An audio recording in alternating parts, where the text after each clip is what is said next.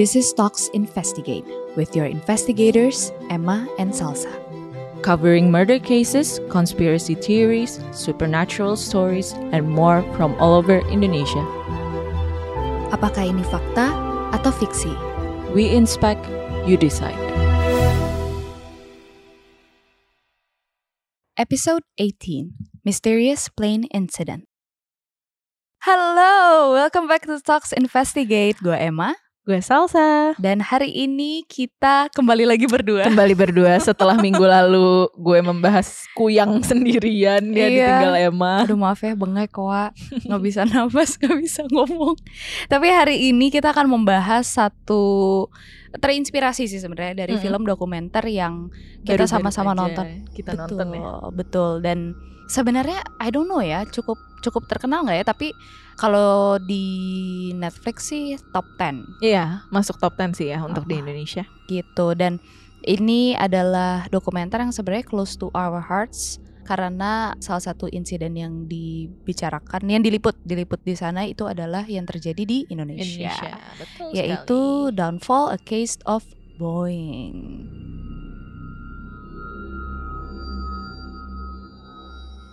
Oke, jadi kita hari ini akan membahas tentang insiden-insiden misterius yang terjadi di Indonesia dan di negara lain juga. Tapi yang kita akan bahas ini berdasarkan dari film dokumenter Downfall.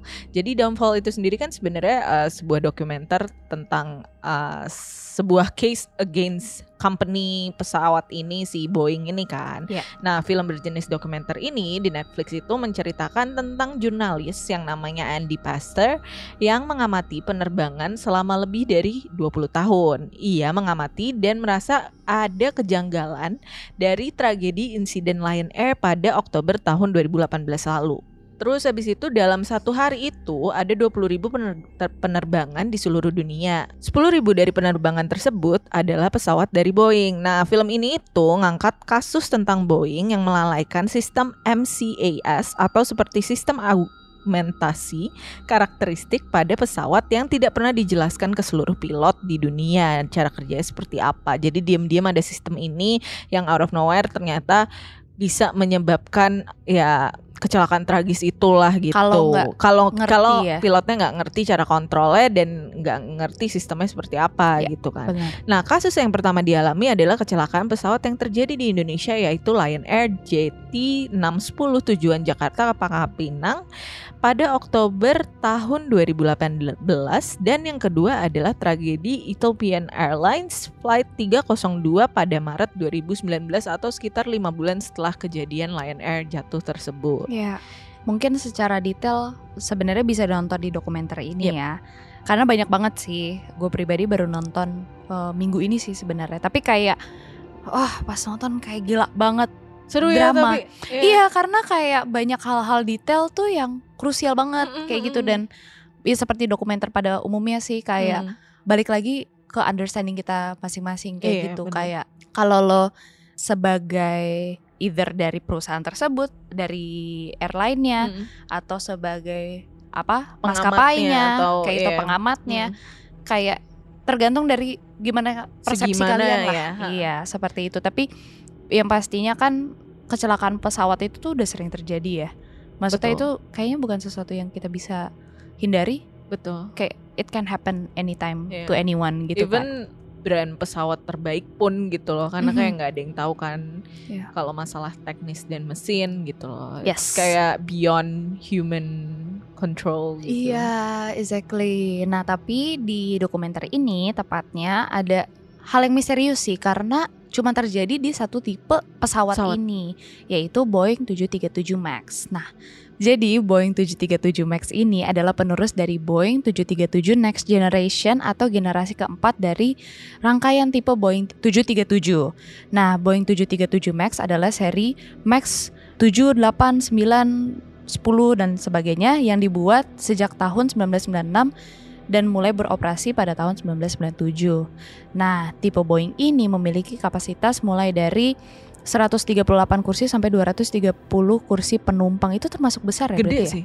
Iya, Gede lumayan yang kayak Gue sebenarnya kurang memahami pesawat-pesawat tapi kayak Airbus. Terus Iya. yang kayak Boeing 737 ini kayak setahu gue lumayan pesawat yang tipe yang besar. tipe gitu sih, besar oh. ya. Dan salah satu yang membedakan pesawat ini, tipe ini dengan 737 Next Generation adalah baling-baling pesawat atau yang biasa disebut dengan propeller. Pesawat Boeing 737 Max mempunyai baling-baling dengan ukuran 69 inch, sedangkan kalau yang 737 Next Generation itu tuh cuman 61 61 inch. inch. Jadi memang lebih besar. Yap. Nah, saingan dari Boeing 737 Max ini adalah Airbus Oh iya benar, berarti setipe sama A32 Airbus ya. Neo Family gitu dan benar Airbus ya Heeh. yang memonopoli mereka dari pesa- pasar pesawat dan mampu menjual sekitar 1029 unit di tahun du- Juni 2011 i- itu aja. Nah, memang Mm. di dokumenternya tuh salah satu yang di highlight sales mereka tuh meroket banget Iya benar. untuk si Boeing 737 Boeing, iya. ini kan. Dan delapan pertamanya itu adalah Indonesia pada ta- pada 6 Mei 2017. Of course, Hmm. obviously.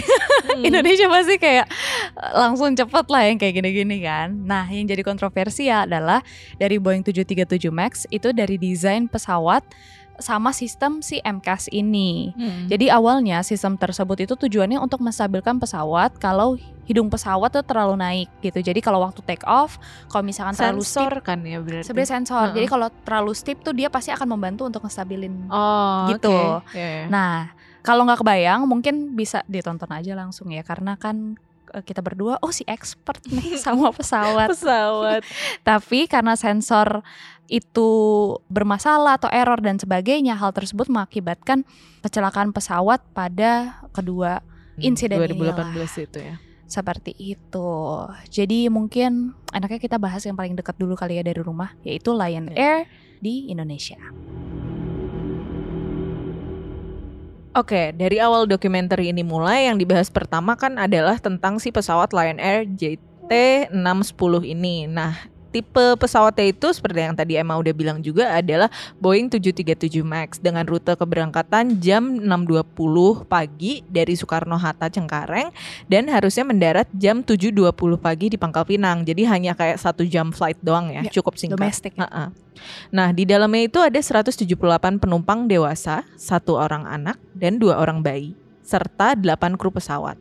Pesawat ini buatan tahun 2018, jadi benar-benar baru banget dan langsung dipakai juga pada saat 2018 ini dan baru dioperasikan Lion Air officially tanggal 15 Agustus 2018 dan pesawat ini memiliki kurang lebih 800 jam terbang. Terus habis itu kronologinya jatuhnya si pesawat Lion Air ini adalah seperti ini jadi kurang lebih. Di hari Senin tanggal 29 Oktober 2018 jam 6.21 jadi semenit setelah jadwal keberangkatan si pesawat itu pilot pesawat Lion Air JT 610 melaporkan untuk keberangkatannya dari Bandara Soekarno-Hatta ke Pangkal Pinang. Lalu di jam 6.31 atau sekitar 10 menit setelah itu, pilot pesawat tiba-tiba meminta kepada Air Traffic Control atau ATC untuk kembali ke Suta atau Soekarno-Hatta atau sebutannya juga bisa dibilang sebagai return to base. Nah, setelah 13 menit di udara, pesawat jatuh sekitar di sekitar perairan Karawang dan puing-puingnya langsung ditemukan juga di perairan Tanjung Karawang itu gitu. Jadi benar-benar baru sebentar banget, baru sekitar 13 menit. Baru take off kan? Iya, baru banget. Terus habis itu pesawat ini hilang dari layar radar setelah pilot melaporkan adanya gangguan pada kendali pesawat, indikator ketinggian dan indikator kecepatan. Jadi sempat ada beberapa gangguan yang terjadi dan Mhm. pilot juga udah sempat report gitu. Cuma setelah 13 menit langsung nggak ada nggak ada kabar dan hilang dari radar lah. Jadi udah nggak bisa kedetek lagi karena ya itu kondisinya pasti udah jatuh kan jatuh, iya gitu. nah, KNKT itu menuliskan bahwa sensor kecepatan dan posisi pesawat terhadap arah terbang yang lazim disebut adalah si Angel of Attack ini atau AOA itu mengalami kerusakan sejak 26 Oktober saat pesawat terbang dari Tianjin atau di Tiongkok ke Manado. Karena rusak terus, jadi AOA ini, AOA sensor ini sebelah kirinya akhirnya digantilah di Denpasar Bali pada saat pesawatnya ada di Denpasar Bali. Penggantinya diambilkan AOA sensor bekas pesawat Malindo Air yang disimpan oleh Lion Air Group gitu. Karena kan masih masih segrup ya emang. Jadi mungkin spare partnya masih bisa dioper-oper gitu or nggak tahu lah kita nggak ngerti ya. Nah habis itu saat terpasang nih sensor baru ini agak melenceng nih katanya 21 derajat kok bisa ya? Tapi aku agak bingung deh. Maksudnya kan ini kan kayak hal yang crucial gitu ya. kayak ini udah tahu nih melenceng 21 derajat gitu. Ini KNKT yang merilis statement ini gitu kan. Berarti kan ini kayak wow. Oke, Tunggu, dan pesawatnya dipakai. di, di diganti sama orang Indo.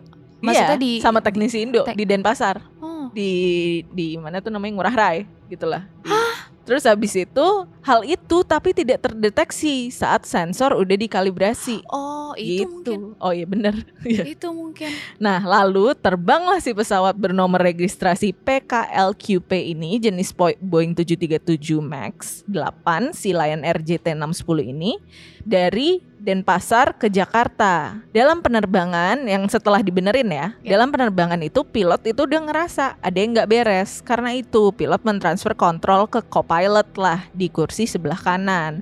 Saat itulah dipercaya sistem MCAS ini atau MCAS ini yang disembunyikan oleh Boeing dalam setiap pesawat seri Max aktif untuk kali pertama. Namun, pilot itu dengan cekatan mematikan kendali trim otomatis dan pesawat pun berhasil terbang dengan selamat lah gitu. Jadi dari Denpasar dibawa ke Jakarta dulu ya.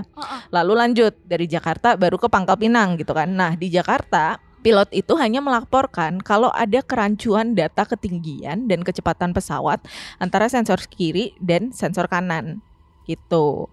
Tapi si pilot itu tidak melaporkan kalau ada yang aneh dengan trim otomatis pesawat. Pilot juga nggak tahu telah terjadi kesalahan data EOE karena memang tidak ada indikatornya di kokpit. Jadi dia pun tidak tahu gitu kan Iya.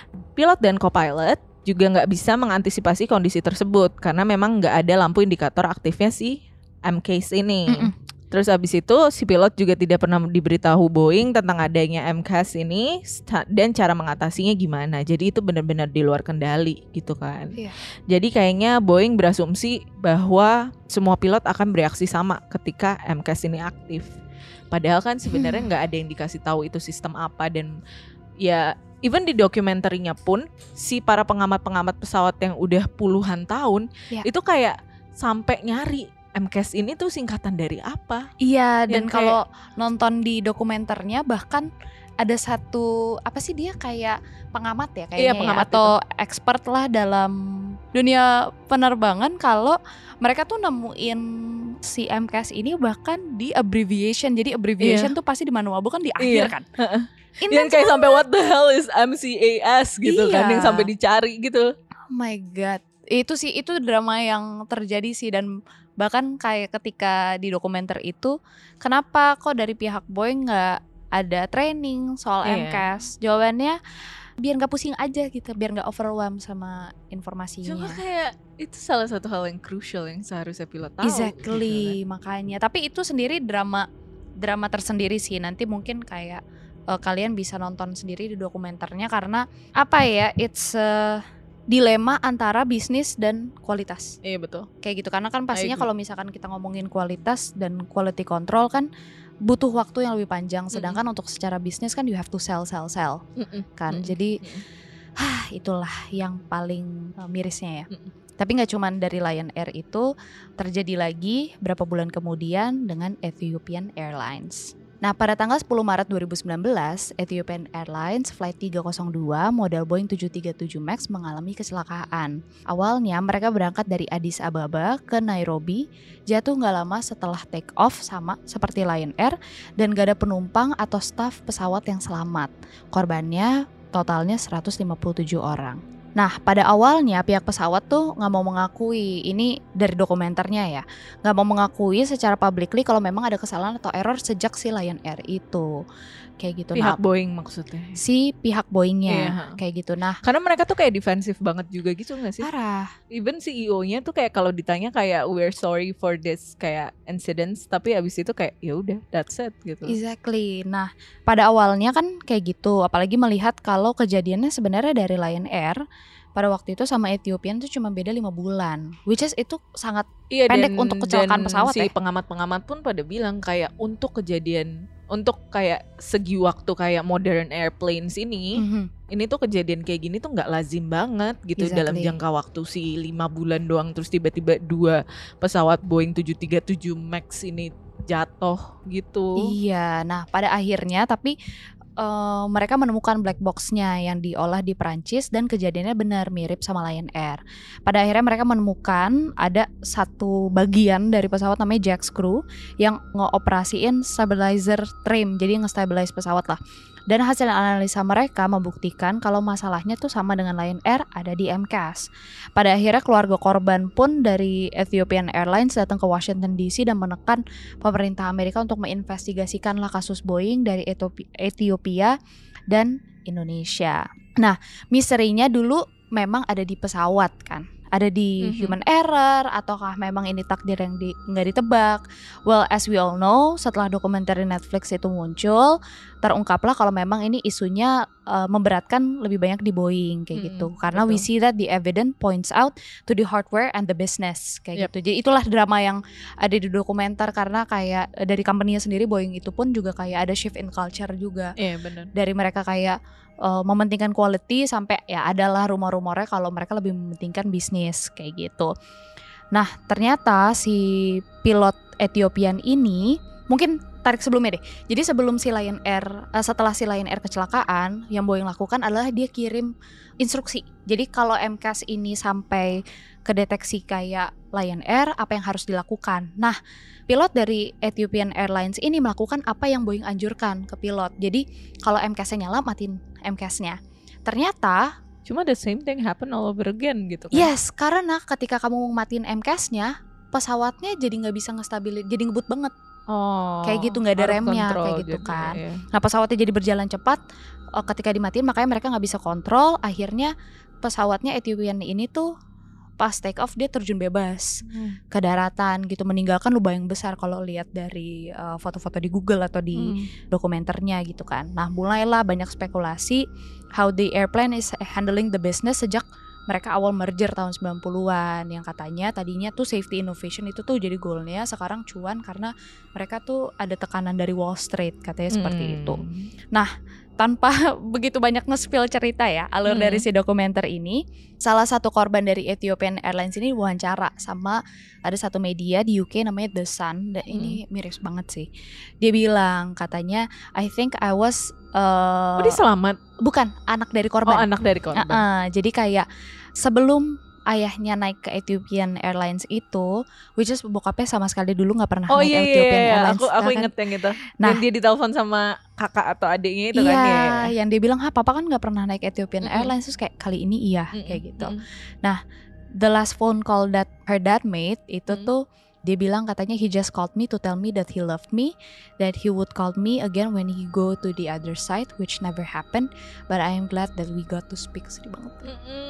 Nah pada akhirnya kasus itu panjang lebar. Akhirnya Boeing mengganti rugi sebesar 2,5 miliar dolar dan terbukti bersalah dengan tuduhan konspirasi kriminal dan menipu FAA.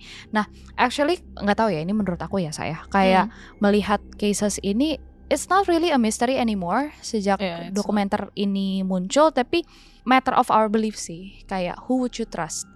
And who would you yang bersalah. gitu kan maksudnya? Yes exactly. Kayak trust to claim ya. Apa to blame sorry. Jadi kayak apakah memang ini ada di kesalahan dari Boeingnya? Apakah dari FAA apakah dari airline masing-masing? Yeah. cuma maksudnya at the same time kayak there are a lot of kayak people yang rely ke Boeing gitu kan karena yeah. maksudnya Boeing is a huge company dan dan kayak ya orang-orang beli pesawat pasti ya larinya ke mereka yeah. gitu loh kan eh, kita kan bukan ahli penerbangan yeah, ya makanya. jadi kan kita kalau beli pesawat lebih ke murah iya. tiket ya tiket, tiket uh, sama murah. jam kayak iya, gitu betul. kan jadi tapi ada kan orang-orang yang memang merhatiin kan oh pakai pesawat, pesawat apa nih gitu. dan katanya memang sejak kayak apalagi Boeing 737 Max ini orang memang mau naiknya Boeing doang Okay. Jadi kayak aku nggak kebayang ya kayak berapa banyak orang yang jadi kayak distrust hmm. sama Boeing itu sendiri, sama airline-nya juga mungkin. Semenjak masalah ini. Dan yang kayak sedihnya tuh kalau aku lihat apalagi korban yang kecelakaan itu tuh Ethiopia di Ethiopia dan Indonesia. Indonesia. Jadi kayak it's very easy to play the tanda kutip ya. Ada orang-orang yang menganggap ini jadi nge kayak the playing country, nge-blame the dan racist jadinya. And, karena Indonesia dan Ethiopia yeah. kayak gitu kan. Jadi terus kayak questioning the ability of the pilots iya gitu. exactly yeah. tapi ya apa ya nggak aduh kecelakaan itu tuh kayak memang aku nggak mau bilang takdir tapi kayak memang itu kan sesuatu yang Iya, kita nggak bisa kontrol kan jadi aduh menurut aku sih ini tetap remain mystery sih kalau ditanya. Ini masih Iya. misteri atau enggak? I think it's a mystery It's karena so- ya kita nggak bisa tahu banget. Karena buktinya ada beberapa pesawat yang works juga kan terbang Benar-benar, dan selamat. Oke, jadi itu cerita tentang sedikit kita agak nge-spill ya soal si downfall ini kalau kalian belum pada nonton Sedikit. tapi gue yakin sih mungkin sebagian besar dari kalian udah pada nonton dan Ah, kalau belum nonton I think it's iya. worth it worth it sih Worth it untuk banget. mengisi waktu kalian lah gitu. Nah tadi kita udah ngebahas soal uh, backgroundnya juga tentang si dokumenter dokumenter ini, terus abis itu gue juga udah ngebahas soal si Lion Air, Emma juga udah ngebahas soal si Boeing 737 Max itu sendiri dan soal si Ethiopian Airlines ya juga. Sekarang kita sampai di ujung episode ini, menurut kalian nih apa yang menjadi penyebab kecelakaan tersebut dan apakah benar uh, masalah teknis atau karena faktor lain di belakangnya? menurut kamu gimana sa Kalau menurut aku aku tuh aku tuh agak bingung ya kalau misalnya ada setiap kecelakaan pesawat atau apalah. Cuma itu tuh kayak selalu membuat aku pengen cari tahu lebih gitu loh tentang ini kayak yang Ya. terakhir lah ada kecelakaan pesawat juga itu kan yang Mhm. jatuh di perairan mana itu. Terus habis itu ya soal ini once si dokumenter ini keluar di Netflix aku tuh bener-bener langsung nonton bener-bener aku Hmm. langsung nonton terus habis itu karena aku tuh tertarik banget cerita-cerita kayak gini tapi aku sendiri nggak bisa mengkonklusikan sebenarnya pada akhirnya kan? ini tuh karena apa karena ya balik lagi tadi sih maksudnya kayak ya kalau kayak yang masalah Lion Air kan ada yang masalah dia masangnya kurang sejajar berapa derajat itulah Ya. terus abis itu itu kan berarti human error kan Benar. itu ng- ngikutnya cuma at the same time si Boeing ada punya satu program yang nggak diinfokan nih iya ke pilot-pilotnya bahkan ke maskapai-maskapainya yang seharusnya itu menjadi satu hal yang Ada sangat crucial. Iya. yang seharusnya dia infokan dan masukin lah ke manual book at least atau kayak ya ada trainingnya lah. Ada isu dan dramanya juga gitu Heeh, dari company-nya. itu itu sih. Kalau aku Iya jadi sih. aku nggak tahu sih either it's kayak human error atau maksudnya kayak ya bisnis juga. Iya. I don't know. Gue nggak gue bisa decide. Cuma maksudnya kayak ya tapi ya tapi balik lagi menurutku ya kecelakaan nggak ada yang tahu gitu loh benar benar kayak ya emang nggak itu di luar kontrol kita aja sih kalau menurut kamu benar. Hah, aku tuh pada awalnya juga Hmm. nonton dokumenter ini aku tuh kaget karena aku kira ngomongin Lion Air kirain ini kecelakaan yang udah terjadi lama yang ingat gak sih zaman Iya dulu juga pernah ada. tapi yang selamat orang-orangnya Mhm. kayak yang gitu kan. jatuh ya yang jatuh yang jatuh ternyata enggak ini baru 2018 2019 kemarin. Kayak 2018 2019 kemarin.